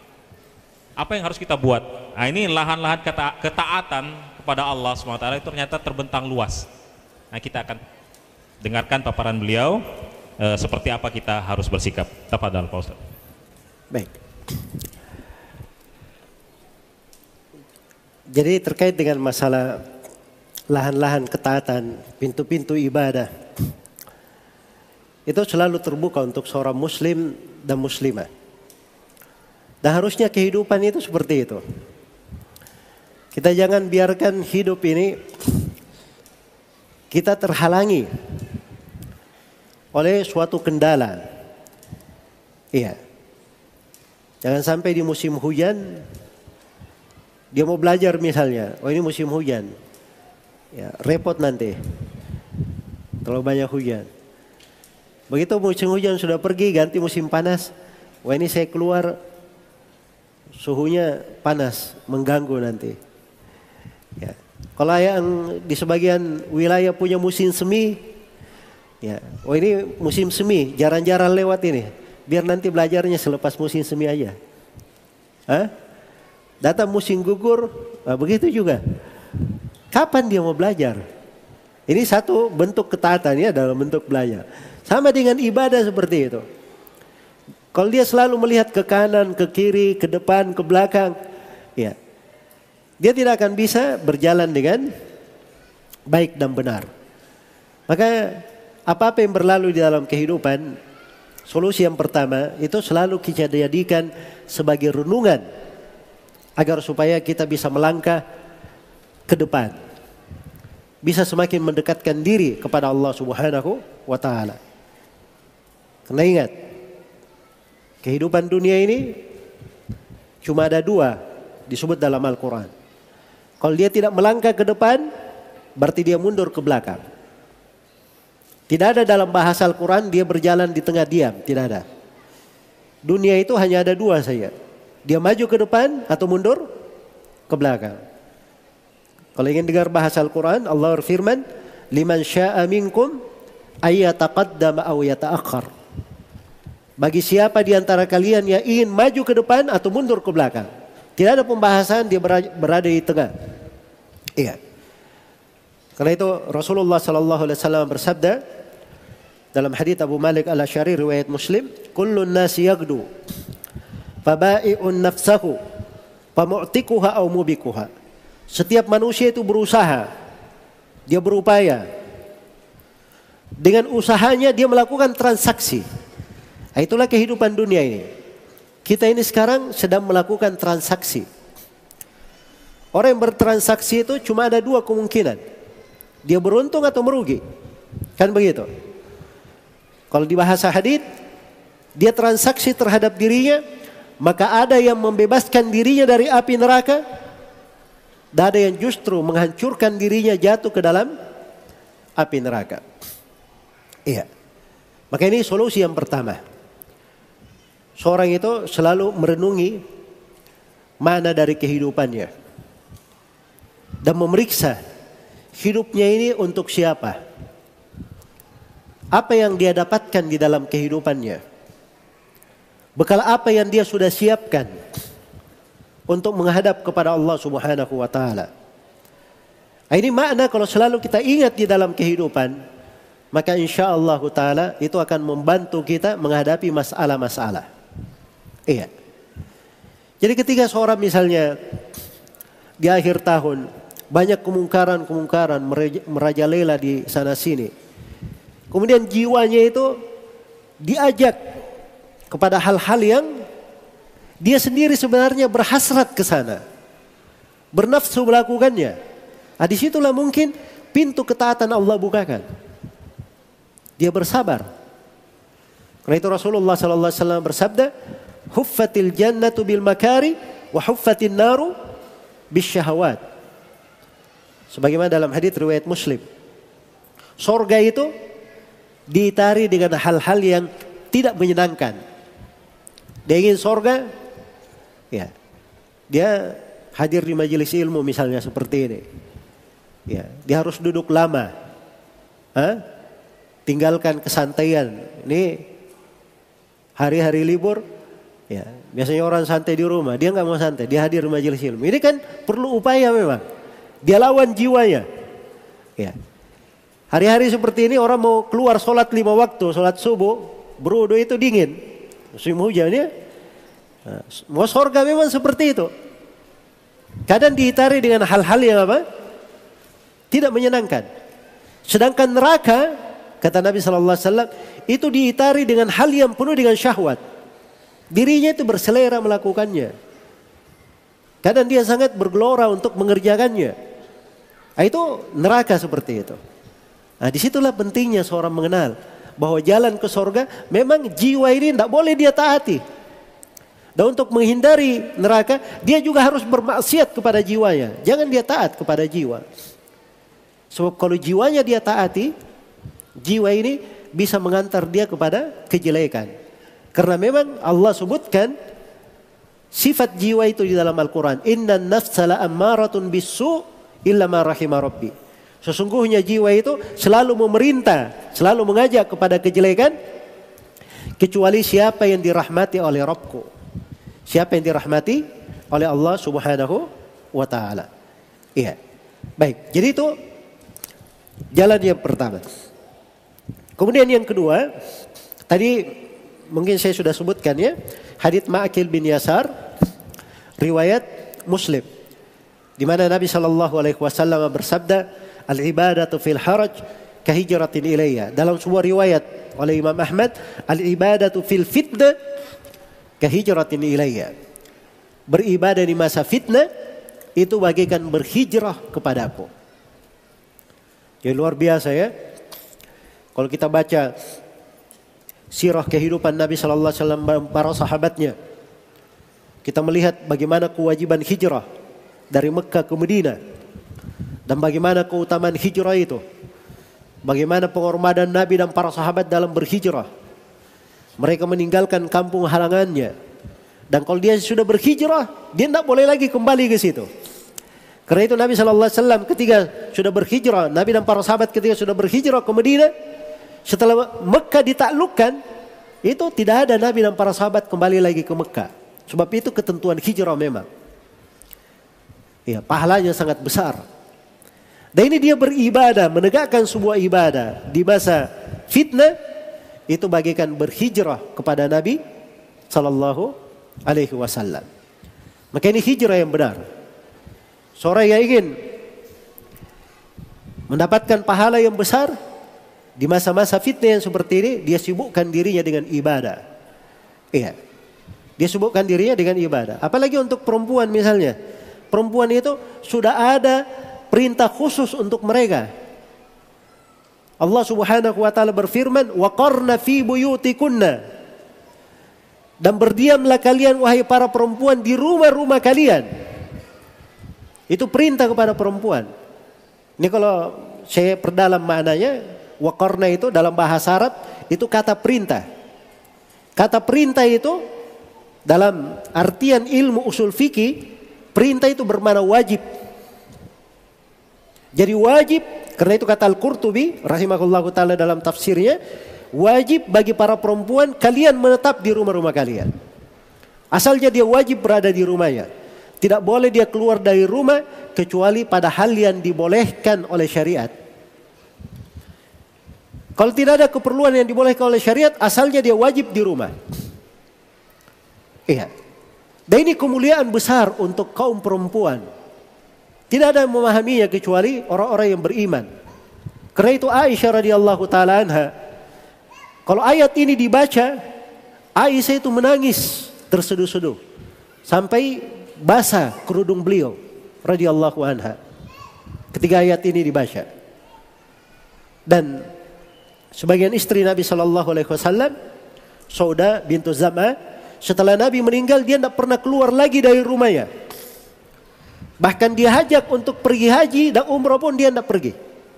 Dia berkata saya sudah pernah haji bersama Rasulullah sallallahu alaihi wasallam. Dan sebagian dari perempuan yang salihah di masa para as-salaf ada yang dikenal dia keluar rumah cuma tiga kali saja. Kali yang pertama ketika dia dilamar oleh suaminya lalu dia pindah ke rumah suaminya. Tuh yang pertama. Kali yang kedua dia keluar rumah Ketika dia pergi untuk haji. Dan kali ketiga dia keluar ketika jenazahnya diantar ke kuburan. Iya. Itu dia dalam hidupnya cuma tiga kali keluar rumah. Sebab mereka pandang ini adalah sebuah ketaatan, sebuah ibadah. Sebuah ibadah. Beda dengan kebanyakan para perempuan. Tidak memahami bahwa ini adalah apa? Bentuk dari ibadah dan ketaatan. Iya. Maka sebenarnya pintu-pintu ibadah itu banyak. Jangan dianggap bahwa seseorang itu ketika dia berada misalnya di rumahnya, oh ini saya tidak ada kegiatan, saya terkungkung. Ya, malah rumah itu bagi seorang perempuan itulah sorga dia sebenarnya. Dia berada di rumahnya saja tidur itu sudah dapat pahala. Kalau dia mengerti bahwa itu adalah perintah Allah Subhanahu wa taala, dia ridha dengan hal tersebut. Dia ridha dengan hal tersebut. Kemudian yang ketiga, di antara pintu-pintu ibadah, seorang itu memperbanyak tobat dan beristighfar kepada Allah Subhanahu wa taala. Di masa-masa ada kemungkaran-kemungkaran dilakukan, maka seorang memperbanyak tobat dan beristighfar. Memohon ampunan kepada Allah Subhanahu wa taala.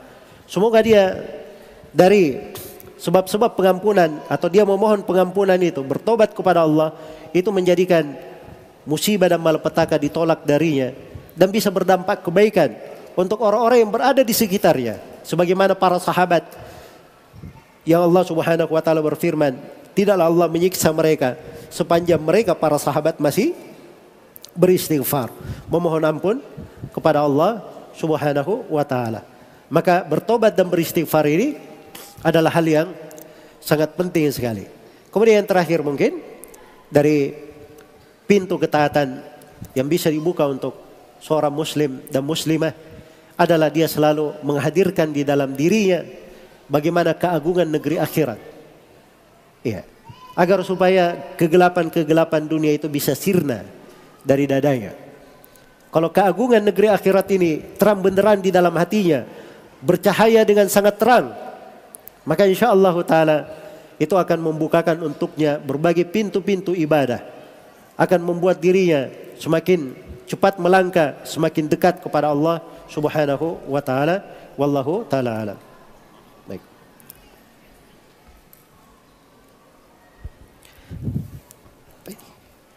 Alhamdulillah sesi ketiga penyampaian materi sudah di kita dengarkan bersama.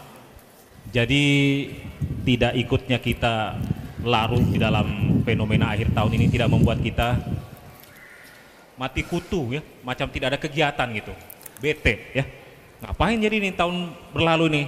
Ternyata Pak Ustadz tadi sudah membentangkan kepada kita begitu banyak lahan-lahan ibadah yang dihamparkan bagi kita semua.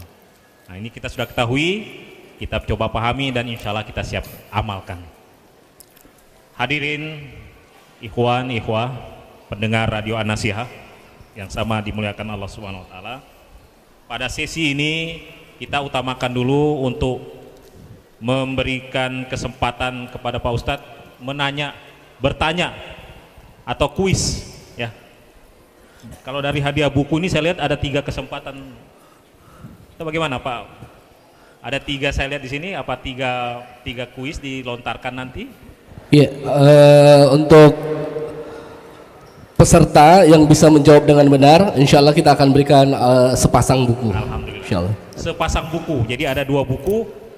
Saya juga nanti akan melihat karena sebaran kita cukup merata dari sayap kanan, tengah, kemudian di sebelah lagi. Uh, siapa yang duluan berdiri Pak Ustadz ya? Atau bagaimana nanti kita akan lontarkan? Saya pikir semua bisa menjawab kalau kita sudah semua menyimak apa yang disampaikan Pak Ustadz tadi. Jadi masalahnya adalah siapa yang kesempatan angkat tangan dan ditunjuk menjawab dengan benar akan mendapatkan uh, dua buah buku, sepasang buku dari Pak Ustadz.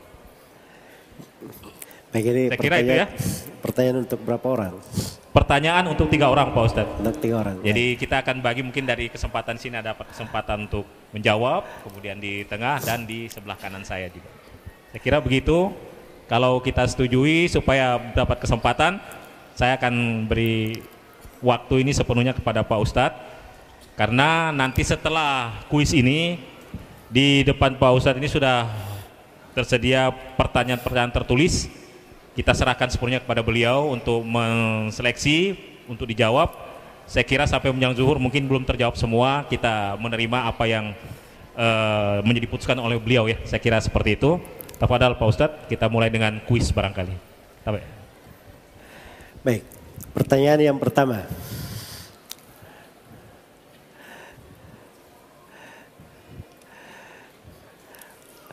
Saya tadi sebutkan beberapa alasan kenapa tidak boleh memberi salam keselamatan kepada agama yang lain. Saya minta tiga alasan saja. Ayo. Dari yang mana? Saya bilang terdekat atau yang yang Masya Allah. Ya, baik sebutkan nama, alamat, langsung dijawab. Assalamualaikum Pak Ustadz Saya Sahabuddin dari Bajidaka Tetangganya Pak Ustadz Baji Rupa Insyaallah. Sama-sama baji-baji ya. Ya Baji-Baji Ya. Alhamdulillah eh, Jadi yang dilanggar per- Yang dilanggar itu ada tiga Pak Pertama adalah mengakui bahwa Anaknya Allah itu ada Ya, kalau mengucapkan itu Yang kedua mengakui bahwa Nabi Isa itu memang anak Allah Ah, terus yang ketiga adalah eh, bahwa Isa itu adalah Tuhan. Begitu saya punya penyemak, penyemakan tadi Pak Ustaz. Baik. Jazakallah. Sebentar, saya ulangi pertanyaannya. Jadi saya nggak bicara tadi tentang salam Natal ya. Memberi selamat kepada penganut agama lain. Apakah salam Natal maupun yang lainnya. Jadi pertanyaannya lebih umum. Kalau Bapak kan arahannya kepada Hah? Salam Natal saja tadi. Baik. Silakan di kalau ada pertanyaan. Saya minta tiga alasan. Eh, Bapak mau jawab ulang? Bisa dia jawab ulang. Silakan. Bisa diperbaiki kan? Iya, jadi kalau kita mengucapkan Natal kepada non muslim atau ucapan selamat kepada perayaan mereka itu itu betul-betul melanggar kita punya syariat sebagai muslim. Baik, satu melanggar syariat. Iya. Terus yang kedua, Yang kedua menyelisihi kita punya agama bahwa kita bisa dikatakan murtad dari agama kita. Oh, enggak ya, jadi itu berat ya kalau mengatakan murtad. Dan itu saya tidak terangkan tadi. Iya, iya, iya. Terus yang ketiga Jadi kalau ada yang memberi salam Iya. kepada agama orang lain, sepanjang dia ucapan lisan saya, Iya. itu dikatakan dia berdosa, tidak dikatakan murtad. Oh iya iya. Jelas ya? Berdosa. Saya agak lebih keras Pak Ustadz Iya, ya. baik. Yang ketiga Pak Ustadz, Yang kedua dulu, yang kedua. yang kedua. yang kedua, yang kedua Pak Ustadz bahwa kita menyelisih agama kita bahwa itu betul-betul tidak boleh dilakukan oleh agama kita, oleh kita seorang muslim. Bahwa eh, apa tadi ya? Sudah blank ini. Sudah blank ini Pak Ustadz. Saya kira cukup begitu saja Pak Ustadz. Makanya jazakallah. Masya Allah. Ya. Eh, mungkin kita lempar lagi Ustaz. Jadi Iya. Bapak jawab setengah pertanyaan ya, dikasih setengah per- setengah ini aja. Dikasih setengah hadiah. Setengah hadiah. Hah? Setengah hadiah. Dikasih setengah hadiah karena Lebih setengah banyak. hadiah. Baik yang menjawab lengkap silahkan. Angkat tangan. Saya minta tiga alasan. Kenapa dilarang memberi ucapan selamat kepada agama lain? Bismillahirrahmanirrahim. Assalamualaikum warahmatullahi wabarakatuh. Assalamualaikum warahmatullahi Eh, berdasarkan, berdasarkan yang saya simak tadi, eh, mengapa kita tidak boleh mengucapkan eh, selamat hari Natal? Karena yang pertama, yang tadi sudah disebutkan Bapak, melanggar syariat Islam. Atau Yang kedua, dengan mengucapkan eh, selamat Natal, berarti kita mengakui bahwa agama mereka benar. ya benar dua. Kalau kita ucapkan selamat bukan Natal aja, selamat kepada agama yang lain di hari raya mereka. Iya. Itu artinya kita akui agama mereka benar. Terus yang ketiga, Yang ketiga, mengucapkan eh, selamat Natal, selamat Natal ataupun hal yang lain berarti di berdasarkan yang saya dengar tadi, berarti kita sudah mendekati eh, menyalahi aturan. aturan apa ya?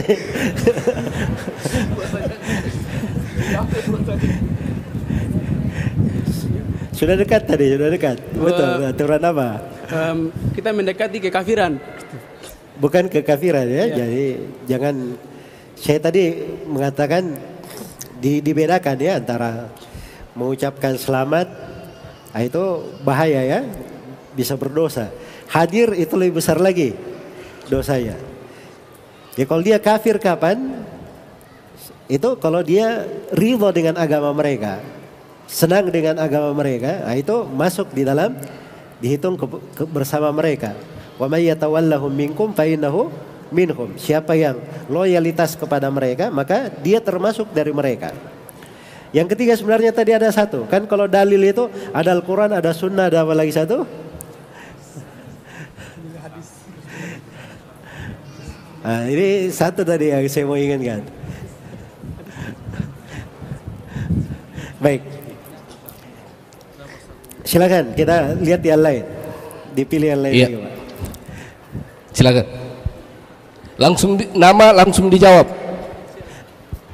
Assalamualaikum warahmatullahi wabarakatuh. Nama saya Zulfikar dari Anteng. Yang pertama menyelisih syariat, yang kedua eh, dengan mengucapkan selamat kepada eh, apa non Muslim, artinya kita mengakui. Ketiga dalam hadis, ketika kita menyerupai suatu agama, ikut dalam berpartisipasi, artinya kita juga bagian dari agama tersebut. Baik, itu saya terangkan di kaidah umum ya bahwa agama ini apa namanya datang untuk menyelisih orang-orang kafir. Mukhalafatu al-kuffar. Tapi ada yang keempat tadi yang sebenarnya yang penting bahwa itu adalah hal yang menyelisih kesepakatan para ulama.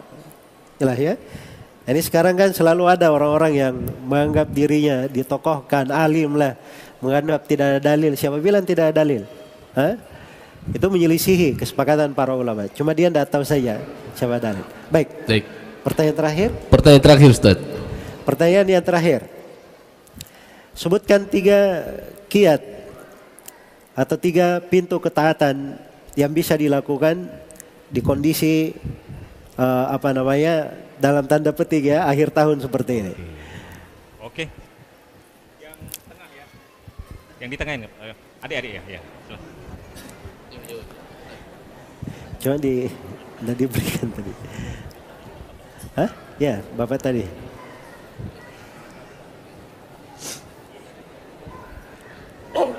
Bismillah, Assalamualaikum warahmatullahi wabarakatuh. Assalamualaikum warahmatullahi wabarakatuh. Di antara pintu ketaatan ke- ketika kita berada di akhir tahun orang-orang kufar yang pertama adalah tinggal di rumah, tidak keluar dan merayakan acara-acara yang mungkar. Sebab disebutkan dalam hadis bahwa beribadah di masa fitnah itu adalah bagaikan berhijrah kepadaku. Baik, itu satu. Beribadah di masa fitnah. Dia, dia tegakkan ibadah. Yang pertama. Terus yang kedua. Kemudian yang kedua, dia tidak keluar dari rumahnya untuk merayakan sebab masuk ke dalam hadis yang barang siapa yang memutus jalan kaum muslimin. Nah itu kita bukan membahas masalah kemungkaran ya. Kita bahas pintu ibadah, pintu ketaatan. Pintu ketaatan yang kedua apa? Ketaatan yang kedua adalah dia memperbanyak taubat dan istighfar. Yang memperbanyak taubat dan istighfar. Pintu ketaatan yang ketiga. Kemudian pintu ketaatan yang ketiga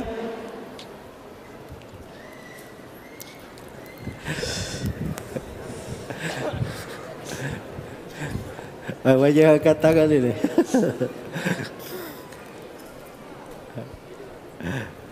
Kemudian pintu ketaatan yang ketiga Ustaz ini dapat bantuan ya, jangan sampai dapat bantuan dari kanan kiri. Baik. Angkat tangan yang lain. Yang yang ketiga. Tidak Bismillahirrahmanirrahim. apa-apa diberi tadi satu. Sudah menjawab sebagian. Ya silakan. Merenungi merenungi kehidupan dan selalu bersabar. Baik, dia merenungi arti dari kehidupan supaya kehidupan ini dia buat semakin menjadi baik. Ya itu mungkin yang bisa ditanyakan wallahu taala. Baik. Selesai waktunya ya. Ya. Hadiah kita masih tersisa banyak tapi waktu yang Ya. tidak bisa memungkinkan sehingga mungkin bisa masuk di sesi tanya jawab Ustaz. Saya kira seperti itu ya, kita sepakati eh, kuis kita kita selesaikan di sini dan kita langsung masuk ke sesi tanya jawab. Eh, menjelang zuhur jam 12 lewat 4 menit ya kalau nggak salah waktunya. Jadi padahal Pak Ustadz. Baik, ini ada pertanyaan pasca gempa tsunami Luifaksi yang melanda Palu. Di satu sisi, Pemda telah mengeluarkan himbauan untuk menghentikan kegiatan saat adan dan menuju ke masjid untuk sholat berjamaah. Ini bagus ya, semoga Allah memberi taufik untuk itu. Pada sisi yang lain, muncul fenomena-fenomena yang saya jadikan pertanyaan untuk mendapat tanggapan. banyak masyarakat yang menaikkan bendera kuning atau memasang di rumah atau halaman sebagai simbol tolak bala. Muncul majelis yang eh, dikir di rumah, anjungan-anjungan bahkan instansi pemerintahan. Banyak kegiatan uh, psikososial semacam trauma healing yang menyatakan bahwa bencana Palu hanyalah fenomena alam biasa dan tidak terkait dengan perbuatan manusia. Bahkan dinyatakan hal tersebut bisa dihindari. Ini hal-hal yang keliru ya yang banyak terjadi. Jadi ketika terjadi musibah orang menaikkan bendera itu semuanya sebagai tolak bala atau dia apa namanya melempar sesajian atau yang semisal dengannya itu hal-hal yang haram tidak diperbolehkan dan itu masuk ke dalam syirik. Kalau dia menaikkan bendera sebagai sebab menolak balas sebagai sebab itu masuk ke syirik asgor namanya. Ke syirik kecil dan syirik kecil itu lebih besar dari dosa yang paling besar. Iya. Maka ini adalah hal yang tidak diperbolehkan.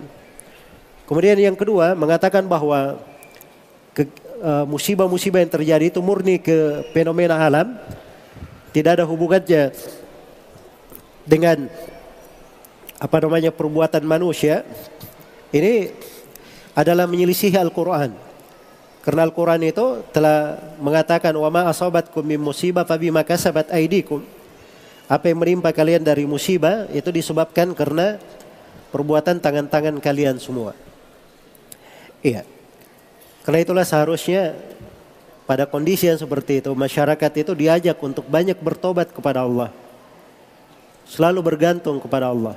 Jangan bergantung kepada benda-benda, bergantung kepada simbol-simbol. Ya. Harusnya di kondisi yang seperti itu saat hati itu terbuka, dia cinta untuk dekat kepada Allah, diarahkan ke sana. Semoga Allah memberi taufik kepada semuanya. Bagaimana sikap kita kepada tetangga yang memberikan makanan kepada kita di malam tahun baru? Apakah boleh dimakan atau bagaimana? Ya, kalau malam tahun baru ini kan pemberian terkait dengan sebuah apa namanya uh, kebiasaan yang tidak ada tuntunannya.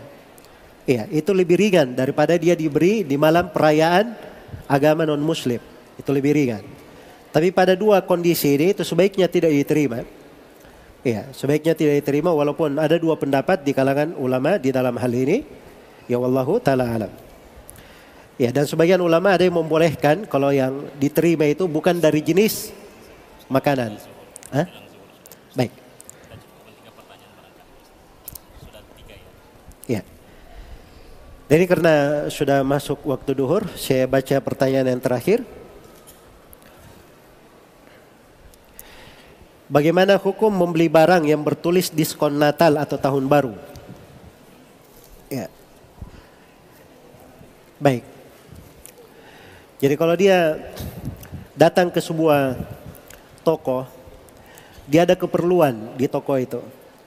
Dan tokonya wajar, semua terbuka toko yang seperti itu. Tidak ada kekhususan dengan hari raya tertentu. Dia beli karena memang keperluan. Dan pada saat itu ada diskon. Maka dia nggak ada masalah. Dia memang beli bukan karena diskon, karena apa? Keperluannya.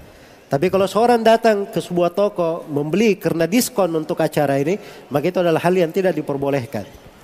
Karena itu namanya ikut bersyirikat di dalam membesarkan acara-acara yang tidak dibenarkan di dalam syariat. Kaidah umumnya dalam Al-Quran, ayat di surah Al-Furqan. Allah subhanahu wa ta'ala berfirman, Walladzina la yashhaduna zur. Seorang mukmin itu, kaum mukminin adalah orang-orang yang tidak menyaksikan kebatilan. Dia tidak menyaksikan kebatilan. Hal yang mungkar, hal yang batil, dilarang di dalam syariat, dia tidak menyaksikan hal yang seperti itu. Dan Allah Subhanahu wa taala berfirman, "Wala tarkanu ilal ladzina zalamu fatamassakumun nar." Janganlah kalian condong kepada orang-orang yang zalim sehingga kalian disentuh oleh api neraka. Semoga Allah Subhanahu wa taala memberi taufik kepada semuanya wallahu taala alam. Alhamdulillah rabbil alamin. Syukran Pak Ustadz sudah memberikan pencerahan kepada kita semua. Afwan, tidak semua pertanyaan tertulis bisa dijawab, tapi semua ditampung ya. Nanti akan kita teruskan ke panitia uh, penjawabannya. Terima kasih, syukran jazakumullah jazakumullah khairan katsira atas kerjasama kita semua sehingga apa yang diamanahkan oleh panitia kita bisa tunaikan dengan baik menyelesaikan materi ini eh, kepada Pak Ustadz diucapkan jazakumullah khairan katsira. Semoga apa yang kita lakukan ini bermanfaat dan berdampak kepada keluarga kita semua insya Allah. Saya atas moderator mohon maaf yang sebesar-besarnya jika dalam memimpin atau memediasi acara ini ada kekurangan di sana sini mohon kiranya dimaafkan. Kita tutup dengan majelis kifara majelis subhanallah bihamdi subhanakallah bihamdika asyhadu an la ilaha anta astaghfiruka wa atubu ilaik. Assalamualaikum warahmatullahi wabarakatuh. Saya kembalikan kepada pembawa acara. Ya, jazakallah khair.